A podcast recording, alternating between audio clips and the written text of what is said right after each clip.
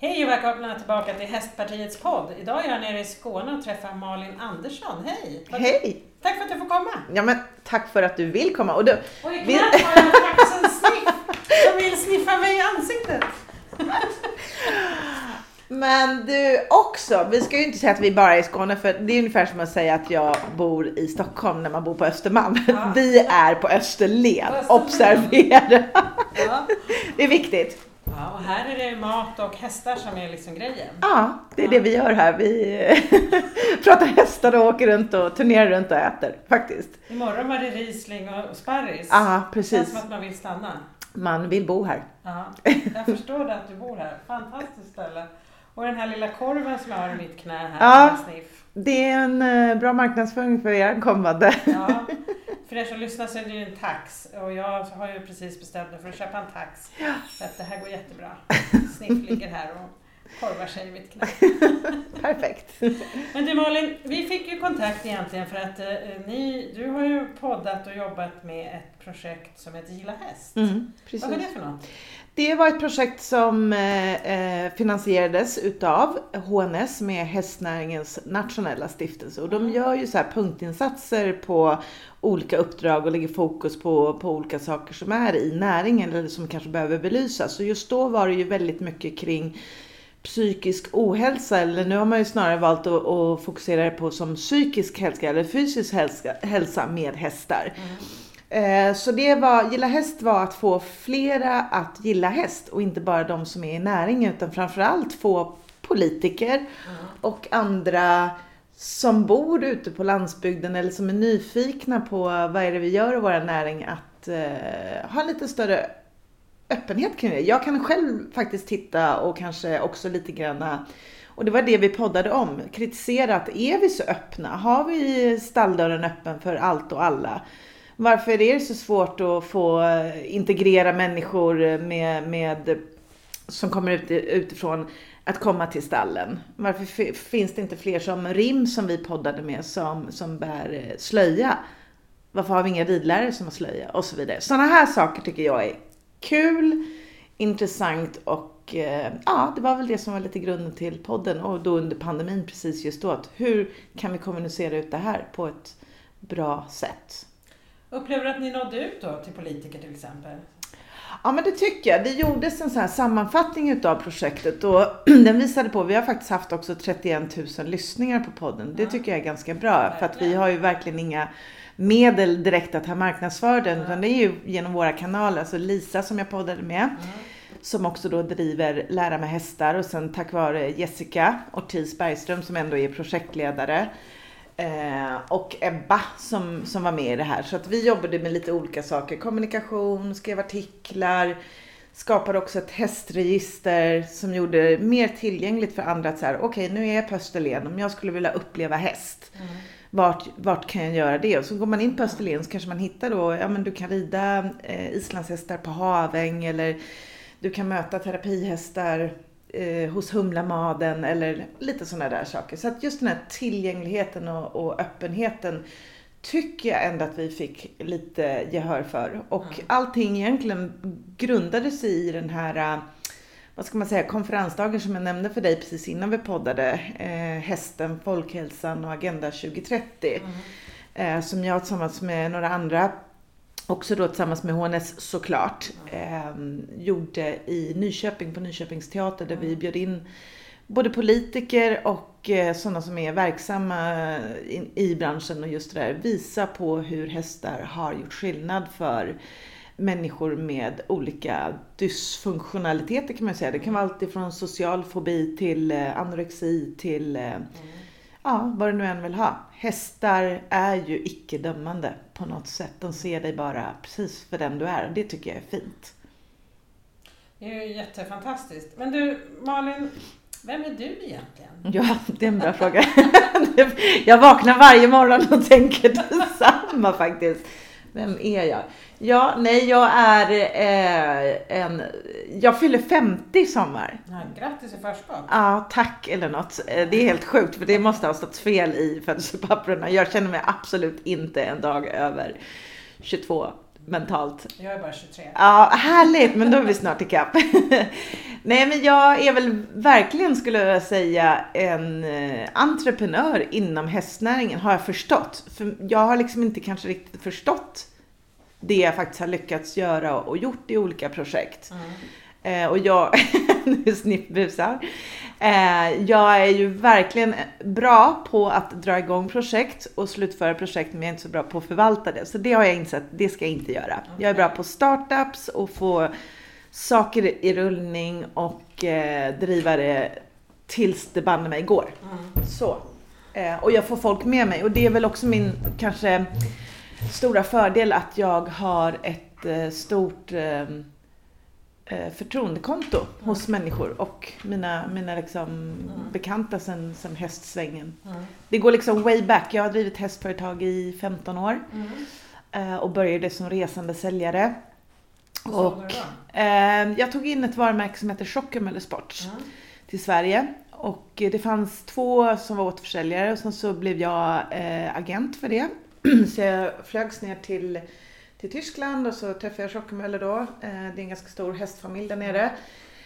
Eh, och fick agenturen för att börja resa runt och skulle sälja in det till butiker runt om i Sverige. Och det gick faktiskt väldigt bra och väldigt fort. Så ett ut tre så hade jag väl nästan 40 eh, återförsäljare runt om i hela landet. Mm. Och det var väl lite grann att jag började med det för att jag ville ombesörja mitt eget intresse.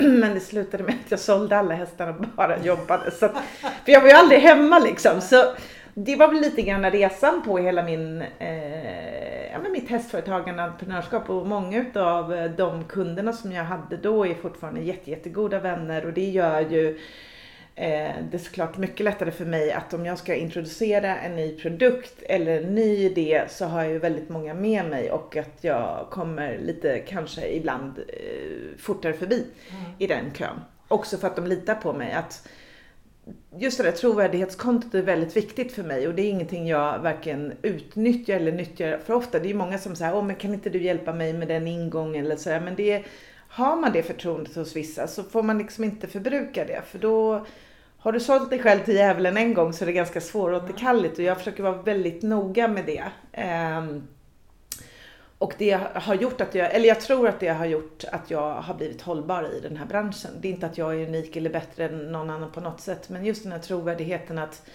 om du säger till din kund att du ska återkoppla på fredag med ett besked, så gör du det. Mm. Oavsett om du har fått ett besked eller inte, utan du bara ringer upp och säger så här, tyvärr jag har inte fått ett leveransbesked. Men jag återkommer till dig så fort jag har fått det. Och det eh, har varit viktigt för mig. Att man håller det man lovar. Det är nog just den här morfar, socialdemokratens, eh, man ska göra rätt för sig och man ska hålla det man lovar lite så. ja. Ja, det var jättebra. Men du, vad gjorde du innan du var hästföretagare då?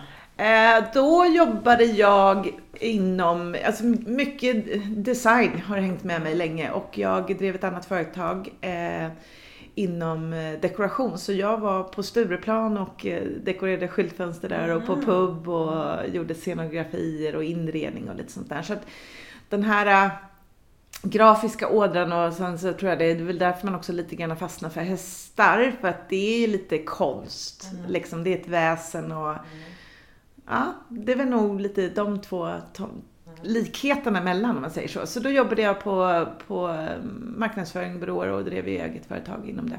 Men har du alltid varit hästtjej? Eh, ja, eller Du nej. är uppvuxen i Södertälje. Ja, exakt. Jag är det. Bara en sån sak. Ja, det började på Billsta ridskola i Järna. Mina föräldrar bor kvar där, min syster. Ehm, och min mamma är livrädd för hästar.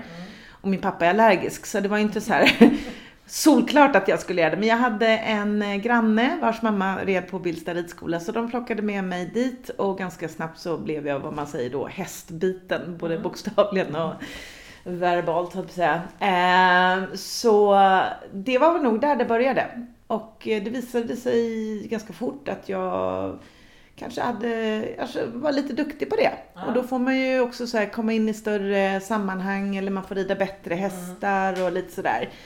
Och sen så som sagt var så gick jag i gymnasiet och då började jag rida på Södertälje ridklubb som är en jättefin ridskola. Eh, så jag har mina rötter kvar där i och har mycket kontakter med, med de som driver det också. Så, så att, ehm, och jag började rida när jag var då tio så att Mm. Typ alltid. typ alltid. Och du är dressyrtjej? Ja, det blev så. Två orsaker. Ett, svårt att komma ihåg banan. Jag är inte så fokuserad. Så att dressyren, då, nej snipp, då rider man ju samma program hela tiden. Så det är ganska bra. Jag ska bara lyfta på honom så inte han skäller. Kom, kom. Ja, nej, men stanna där du. Eh, och, eh, men det började med fälttävlan. För att jag gillar ju fart och fläkt och så här. Men sen så visade det sig att jag var nog ganska feg ändå när det kommer till hoppning och som jag Alltså sa. fälttävlanshindren är ju helt galna. Ja, det förstod man ju inte då tack och lov, men det förstår man ju idag. Eh, så nej, men det blev, jag, hade, jag köpte min första häst eh, tack vare min morfar som sagt var betalade. Jag ägde väl en tredjedel av svansen typ. Eh, men också för att här, visa lite grann att jag kunde ta ansvar och eh, sköta det där liksom och ha råd att ha häst. Så det var lite grann att jag fick bevisa det. Och den hästen visade sig ha en stor talang just för, för eh, fälttävlan. Och framförallt i dressyren. Så att liksom, han rev ju typ hela banan. Så det var väl där någonstans jag började säga men han kanske inte ska hålla på och hoppa. Ehm, och då träffade jag en, eh, en ridfröken, en, en ridlärare på Södertälje som, hette, eller som heter Helena Videll. Och då började jag åka till henne. Hon bodde ute i Flen så då började jag åka till henne på helger och lov och jobbade lite extras där och fick liksom lära mig att rida hennes hästar. Och, Ja, och sen har jag haft förmånen att få rida för många otroligt bra tränare som eh, Bo Tiblin, Janne Schöneman, Ricardo Reis, Christian Kard. Alltså jag har fått väldigt mycket bra. Eh, och har ju själv också utbildat mig till C-tränare i dressyr och jag har aldrig jobbat som tränare. Förut, jag har kanske haft tre och det är bara för att ett, jag vill ha dedikerade elever. Ingen så här train hopping. Jag vill att du ska liksom, om jag ger min tid så vill jag att du ska ge det tillbaka. Och det är ju väldigt svårt eh, för en del att hålla det liksom. Så, så jag har liksom aldrig jobbat med det aktivt. Men jag tycker att det var skönt att ta det där diplomet någonstans för sig själv. Att visa på att man faktiskt kan och kan utbilda hästar. Så, så därav. Vad kul! ja, Ja, och sen så flyttade du till Skåne. Mm. Eller förlåt, till Österlen. exakt. Jag bara spänner ögonen i det där. Precis. Ja, men- Efter du har varit, hållit på med Gilla Häst och så vidare. Ja. Och vad gör du här nere då? Förutom att äta sparris och dricka? Inte mycket faktiskt. Nej men det kom sig av eh, pandemin och också så här, jag har ju rest väldigt mycket i Skåne och jag hade då eh, lite grann som jag sa avslutat det här Hästen, Folkhälsan och Agenda 2030 och var väl lite själv kanske sökande liksom. Vem är jag, vad, vad ska jag vara? Och, Någonstans var det väl lite grann att ska man göra en livsförändring så är det väl nu medan man kan och orkar och är frisk. Ehm, så då tänkte jag prova det. Det ligger kvar hemma liksom, om jag ångrar mig. Ehm, och det var ju som sagt var två och ett halvt år sedan och nu har jag köpt hus. Så här blir jag kvar med mina lån. Ja, så, men du är egenföretagare mm, och eh, är eh, konsult. ja. Ja. Och vad liksom kan man anställa dig till att göra? Eh, egentligen vad som helst. Nej men det är väl den där jäkla Pippi-mentaliteten också. Att jag, jag tar ju ibland lite... Bara- Den här hunden, han vill äta mina fötter. Han är verkligen one of kind. Eh, nej men jag tar mig ibland lite vatten över huvudet och säger så här, absolut det där kan jag, det fixar jag. Och så, på något konstigt sätt så lyckas jag oftast råda ihop det. Men man skulle väl kunna säga att det jag är bra på är ju just det att liksom starta upp nätverk. Eh, och det har jag gjort bland annat här nere. Eh, Med, tillsammans med Lisen och Vivica Krantz. Vi har ett, eh, ett kvinnligt nätverk som heter Horsepower Women. Mm, det är lite, det är hästkrafter där i och det är liksom framförallt eh, tjejer, kvinnor inom de gröna näringarna, inte bara häst så. Ja. Men det håller ju liksom Äter han upp dina fötter? Du får faktiskt säga till honom Ja, också. Men inte själv. Exakt lite så. Eh, nej men så vi träffas och ses på lunch och ibland får vi lite föredrag eller någon som kan inspirera oss så. Så att vi har varit på Ga- Gaspari och Mattias och pratat om restaurangen och bakgrunden till det och vi har eh, setts uppe hos Vivica på Loarp och hon har ett sånt eh, gårds eh, eh hotell eller där kan hyra inne med företag och eh, går det bra? Jag fick av strumpan här. eh, nej men så det är liksom en mer så här uh, lite utbyte av tankar och idéer och sniff, du får faktiskt komma hit. Jag tar honom nu. Ah, ja. Eller putta över honom hit. Fortsättning följer. Men du, jag tänker det här med kvinnligt nätverk. Ja. Är det då liksom bara kvinnliga företagare som är med och liksom, vad ja, men en, tar ni upp för frågor där? Ja, men vi tar upp frågor som eh, eh till exempel nu när det varit så jäkla dyrt med elen. Mm. Hur ser man över den när man mm. har en stor gård eller liksom rädslan för det? Liksom, kommer man ha råd att betala och vad, hur kommer det påverka eh, ridklubbar, annat så också? Det kan mm. vara sådana frågor. Eller eh, kring att anställa eller kring en innovation eh, och eller också lite grann så här hur vi kvinnor och tjejer ibland också inte alltid bara puttar upp kronan utan kan också vara ganska taskiga med varandra. Mm. Liksom. Och hur hanterar man det? Och stort som smått. Så. Mm. Men det, är det ett, svårt att be om hjälp där? I vårat, i vårat nätverk? Ja, ja. Nej, absolut inte. Det är ja. verkligen så. Det är det som är så jäkla härligt. Och det, vi brukar alltid avsätta typ så här två, två och en halv timme när man pratar om något problem eller man har ett ämne och sen så lunchar vi och det, är, det är verkligen aldrig att man vill åka hem mm. utan det finns ett stort eh, välkomnande, öppet, icke-dömande mm. eh, nätverk och det gör att man vågar ställa de här frågorna till varandra och mm. vågar titta varandra i ögonen så här och liksom och samtidigt också kanske hitta nya affärslösningar eller kompanjoner eller vad det nu mm. må vara. Så att det, det är härligt. Mm. Men sen är du också aktiv i hästen i Skåne, eller sydöstra Skåne, eller mm. både och, eller hur är det? Ja, alltså jag har precis eh, hoppat av som eh, i styrelsen på Hästen i Skåne för att jag inte riktigt hann med det också. Men det har varit otroligt lärorikt och det är fantastiska människor som sitter i styrelsen. Och man kan väl säga nästan att hästen i sydöstra Skåne är en avknoppning ifrån det. Mm. Eh, och, och då kände väl jag lite grann, eftersom jag har dragit igång ett, också ett nätverk här då, mm. eh, på sydöstra sidan, så behövde jag lägga lite mer fokus på det. Och eh, vi, jag måste säga att eh, Ystads näringslivskontor har haft en, en stor roll med, med Marie framförallt i spetsen där och sen så eh, landsbygdsinnovation, alltså Helena Kurki som vi fick till lite medel från regionen eh, där vi hade tre träffar som hette Fokus tillväxt häst. Mm. Och på alla de här tre träffarna så, eh, så var det ungefär 50 personer som kom på varje träff. Mm, mm. Och det är helt otroligt. Nu fick jag syn på någon granne som gick förbi här också.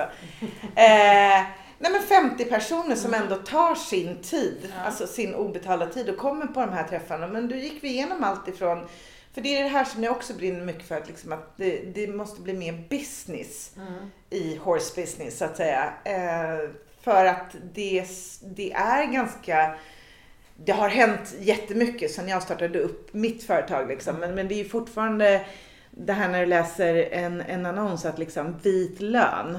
Jag vet inte, har du sett det på LinkedIn? Nej. Nej.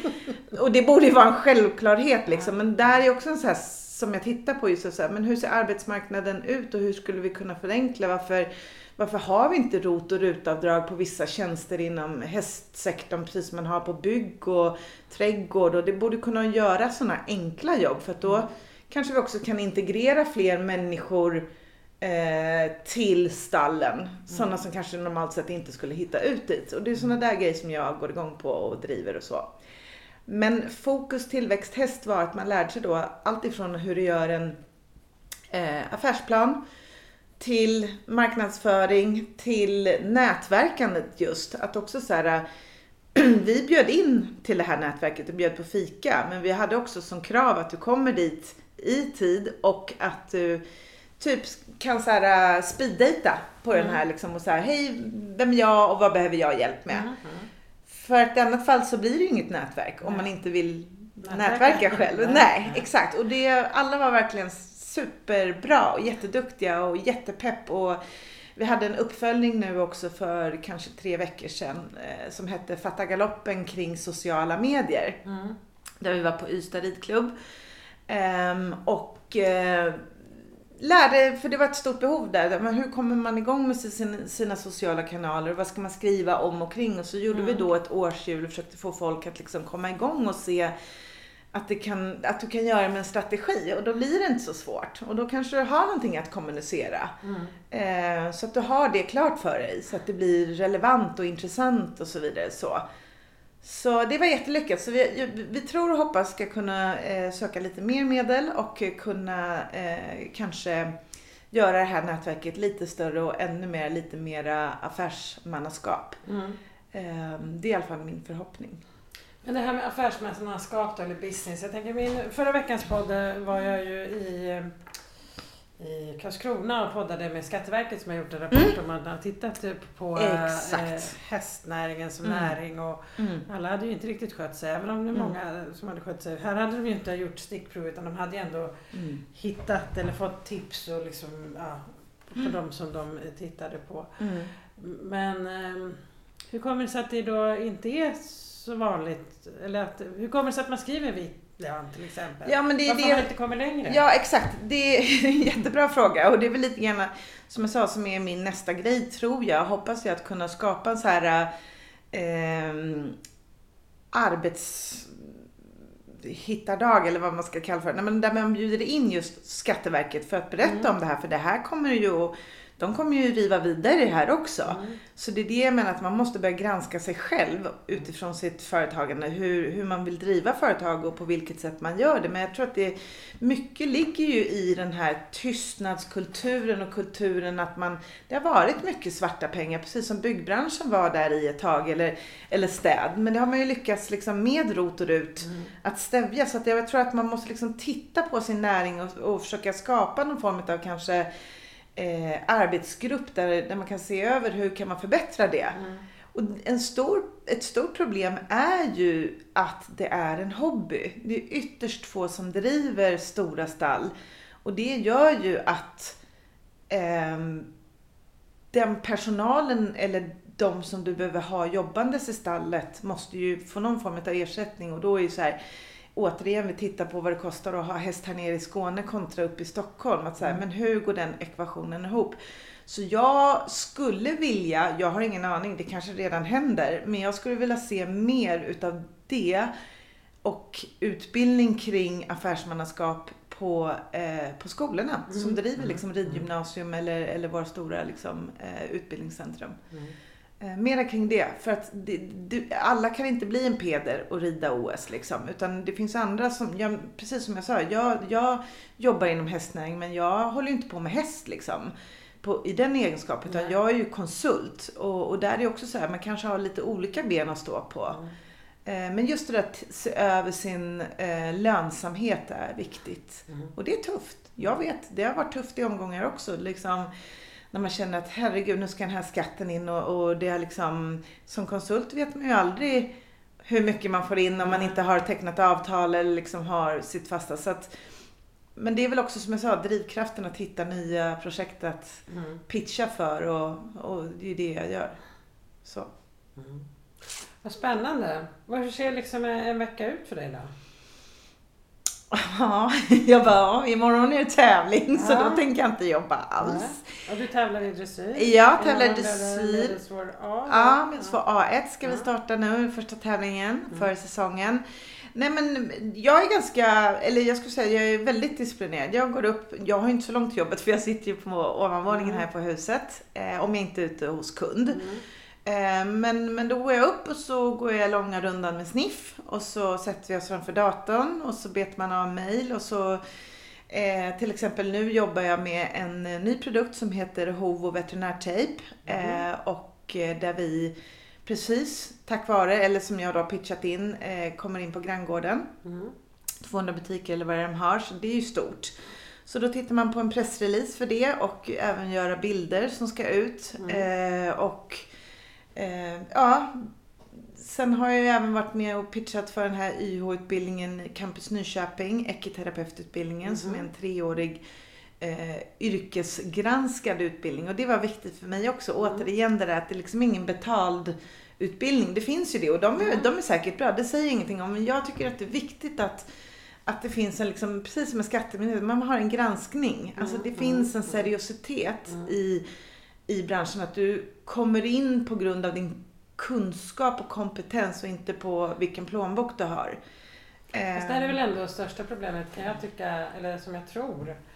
Att det, alltså, den titeln är inte skyddad. Nej, exakt. Och det är det som gör att vem som helst får göra det. Men här blir det ju, där säger man så här, ja men du blir diplomerad vad det nu än blir. Ja. Men det där diplomet är ju egentligen så här, jag kan ju säga till dig, du kan komma här i tre veckor så blir du diplomerad Riesling och sparrisspecialist. Ja, också. Bra idé, du hör jag. Jag pitchat in det direkt. Nej men liksom, alltså jag, det måste finnas en seriositet i det. Och, och det, där tittar man ju också mycket i ledningsgruppen på på Campus Nyköping, liksom att hur ska man kunna göra den här liksom som en, som en utbildning? Och som säger, vad får man kalla sig efter det? Mm. Ehm, och det borde vara mera kring det också. Det- Vi har ju liksom Berida-programmet, vi har hippologen och sådär. Men just de här eh, utbildningarna som man får själv betala som inte är CSN-berättigade tror jag är viktigt att man tittar på seriositeten och Mm. försöker någonstans bestämma sig för hur det ska gå till Ja. och på, på vilket sätt man får kalla sig. Men där tänker jag att konsumenten är ju oerhört oskyddad i det hela. Man Mm. kan ju få någon som faktiskt Ja, kanske åt sparris och drack Riesling istället för utbildade sig och ändå få ett diplom. exakt. Eh. Och det är ju det och det kan hända ganska mycket. Mm. Och framförallt när du manipulerar en häst, muskler och fascia och leder och jag menar liksom, det är därför det finns en veterinärsutbildning Mm. som är skyddad. Liksom, att, att även där att vi måste liksom granska för att det är så mycket som kan gå snett. Mm. Och det blir du som säger som slutkonsument eller som hästägare som blir drabbad och det är ju sjukt tråkigt av många olika aspekter. Så. Ja, och det är hästen som blir drabbad. Framförallt, eh, framförallt. Och den kan ju inte säga någonting heller liksom, utan du är ju ditt, liksom, din röst genom din häst och, och det är din skyldighet som hästägare att Mm. också liksom, försöka göra så gott man kan eh, utifrån, ja, men det är svårt. Det är en djungel faktiskt. Mm. Ja, verkligen. Men du Lisa som du poddade med och jobbade med Gilla Häst, hon Mm. håller ju på med något som heter Lära med hästar. Mm. Kan du säga något om det? Att jag skulle tänkte jag skulle träffa Lisa också. Ja men det ska du verkligen göra. Nej men hon är otroligt också så här.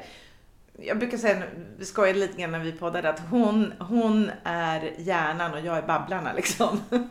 Hon är så här strukturerad, har ett manus och jag är ju den som snokar upp intressanta personer eller kanske hittar, men som vi hittade Yasin till exempel Mm. som är blind och eh, flydde kriget och, och tävlar i hoppning. Alltså det är ju en fantastisk historia.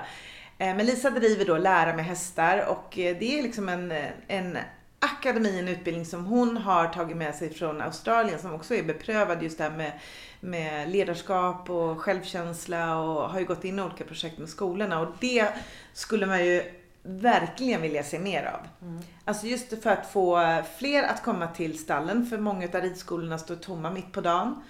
Eh, Vi får fler och fler hemmasittande barn och ungdomar. Vi får fler problem i skolorna. Och jag tror att hästarna är inte facit till allt, men det är ganska mycket. För för det första är det ingen människa som har dött av frisk luft. Och vara ute i naturen och i stallet ger också en form av ansvar och att man känner sig viktig. Och det kan jag bara gå till mig själv liksom att ja, men det skapar ändå liksom en, en struktur. Och det behöver man ju. Mm. Vi ska faktiskt ha ett seminarium om det i riksdagen nu den 24. Mm. Eh, Vi har två exempel. Dels alltså Kungsgården ute på Ekerö Mm, och sen precis. i Haninge som ska berätta om deras lyckade eh, exempel på att få hemmasittare tillbaka Mm. till skolan. Mm, skitbra. Ja. Kan man vara med på länk? Jag håller på att utreda frågan. Ja, bra. Det är inte alltid så att eh, jag är så digitalt överallt. Nej, det är ju inte det. Men kunskap är aldrig tungt att bära. Nej. Och kan man så ska man ju försöka vara med på sådana här Mm, saker. mm. För det är ju som du säger, det kan ge upphov och stöd för, för, för någon annan. Och det, det som jag sa, där är ju mitt nätverk verkligen när det kommer till sin rätt. För då hade vi, jag pitchade in Lisa till för hon skulle ut och göra en sån turné där hon visar på vad, hur den här utbildningen går till i Mm. korthet. Mm.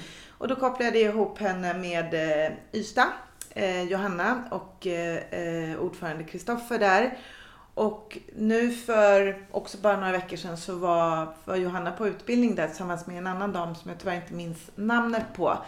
Så nu ska det dras igång Mm. projekt och de har haft det sedan tidigare också, habilitering. Ja. Men att få den liksom lite mera, de hade, då bjöds det in eh, kommunpolitiker. Mm, mm, Eh, och just att, för det handlar ju om att äska pengar. mm. Men är det så då att hon utbildar andra som gör sånt här, äh, gilla häst, äh, nej lära mig hästar Ja. äh, i, i på andra Ja. ställen? ja, exakt. Så tanken är ju då att de ska få den här metoden då som Mm. man säger. Eh, att kunna gå tillbaks till sin- sin ridskola och eller kontakta de som, som jobbar med det i kommunen och, Mm. och försöka liksom hitta de här eh, gemensamma ja, men plattformarna eller eh, touch places liksom. Att komma i kontakt med BUP eller Socialstyrelsen eller ungdoms Mm. eller någonting sånt. För det är ju tillsammans som vi kan göra skillnad.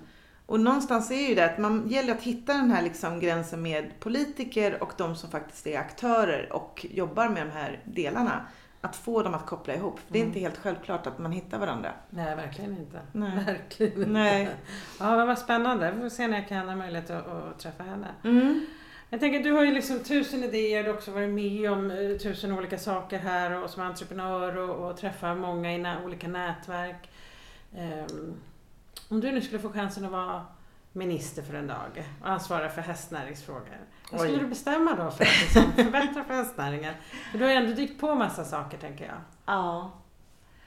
Eh, nej men jag skulle verkligen nog se över den här uh, arbetsmarknadssituationen, att förenkla och förbättra. För att vi, vi har ett stort problem att rekrytera och vilket är ändå konstigt för liksom vi omsätter så mycket både i liksom pengar och arbeten att det borde vara intressant för, för politiker att faktiskt förenkla och förbättra för oss. Att bli Mm. duktiga hästföretagare. Så att vi kan bidra ännu mer till näringen och framförallt att kunna bidra till samhället och den här bryggan liksom mellan stad och landsbygd. Den är viktig. Ehm, Så jag skulle vilja säga att jag skulle nog se över ehm, de reglerna kring Mm. arbetsmarknaden och försöka göra den mer tillgänglig, professionell och eh, som sagt var kunna rada upp alla de här goda exempel på hur man får in hästen i samhället eh, som en eh, resurs. Mm. Det låter jättebra. Får jag jobbet? Ja, ja, det är inte jag som tillsätter. Vi får Nej. ringa Ulf och höra. Yes. Ja, jag ringer honom. Nu har jag ändå pitchat det här i podden. Jag hoppas att Ulf lyssnar. Ja, banne mig. Jag kommer skicka länken till honom direkt. Ja, Jag vet faktiskt inte om han rider. Han jagar ju vet jag i alla fall. Ja. Men eh, vi har, ja, han har inte varit med mig och ridit ännu. nej, men då får vi Ännu. precis bjuda in honom till en eh, gilla häst-dag. Precis. Eller någonting. Det har fun- funnits tankar på det sedan tidigare så jag hoppas att vi kan ta upp det där spåret så småningom också. Och just att, som jag sa, det är, kommunpolitiker är viktiga för oss entreprenörer, egenföretagare, ridskolor. Och ibland så kan jag också, om vi ska ta med det i den här podden eller inte, det kan jag säga, men just när det inte är ett lyckat eh, samarbete mellan kommunen och de som ska driva det är ju till exempel ridskolan i Nyköping. Mm. Ehm, Den har jag poddat om. Ja, med Precis. där. Ja, exakt. Och, och jag, var ganska, jag bodde ju i Nyköpingstrakten då och var ganska tidigt på bollen och erbjöd mig som en resurs till den här gruppen. För jag Mm. har ju ändå liksom rest jorden runt och tittat på olika stall och lösningar och ju verkligen ser det här liksom att ja, men vi kanske kan ha vi kanske kan bygga en, eh, en trädgård som, som äldreboende kan driva. För då kan Mm. de vara en resurs till barnen som kommer dit. Kanske inte alla som har mormor och morfar eller och att vi äter från jord till bord, att vi verkligen tar hela ansvaret liksom. Ehm, och då eh, vart jag väl lite avvisad på det och då tänkte jag så här, nej vad ska jag lägga min energi på det här? Och det var synd. Ja, det det står ju tomt. ut för. Ja, det står ju tomt och kostar Ja. massa pengar. Eh, ja, och då är det inte konstigt att många av dem som ser eh, hästar som en kostnad och att det är en snobbsport. För att eh, om det har fått kostat 72 miljarder eller vad det var, det kostade 34, 72, ja, det var väldigt, väldigt, Mm. inte miljarder, miljoner, eh, men väldigt mycket pengar. Då förstår jag, för det är skattebetalarnas Mm. medel. Ja, Så det är och inte så bra. det, de ska man hantera Varsamt. varsamt. Mm. Ja, det finns mycket att göra. Men om du då vi har någon som lyssnar nu som är liksom kanske precis har startat upp eller tänker starta ett eh, hästföretag.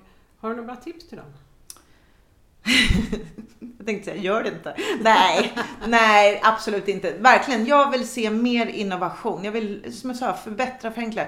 Eh, också så här, hitta mentorskap. Mm. Eh, sök upp någon gammal räv som jag eller någon annan som jobbar eller har jobbat framgångsrikt inom travet eller galoppen eller vad man nu är mm. intresserad av. Att liksom hitta den här mentorskapen. att Eh, jag önskar att jag hade fått det när jag startade bolag. Mm. Ehm, att man hade kunnat ställt lite frågor eller fått lite råd eller dyfta vissa problem och sånt där. Så, så det, det skulle jag väl också se mer utav. Mm. Just på, på kanske näringslivskontoret. Att man hittar liksom en liten hästhubb. Mm. Som kan vara en tillgång. Just så här, hur ska man tänka när man bygger nu en ridskola eller ett stall. Eller eh, vill jobba med sociala medier eller journalist eller, eller vidare så.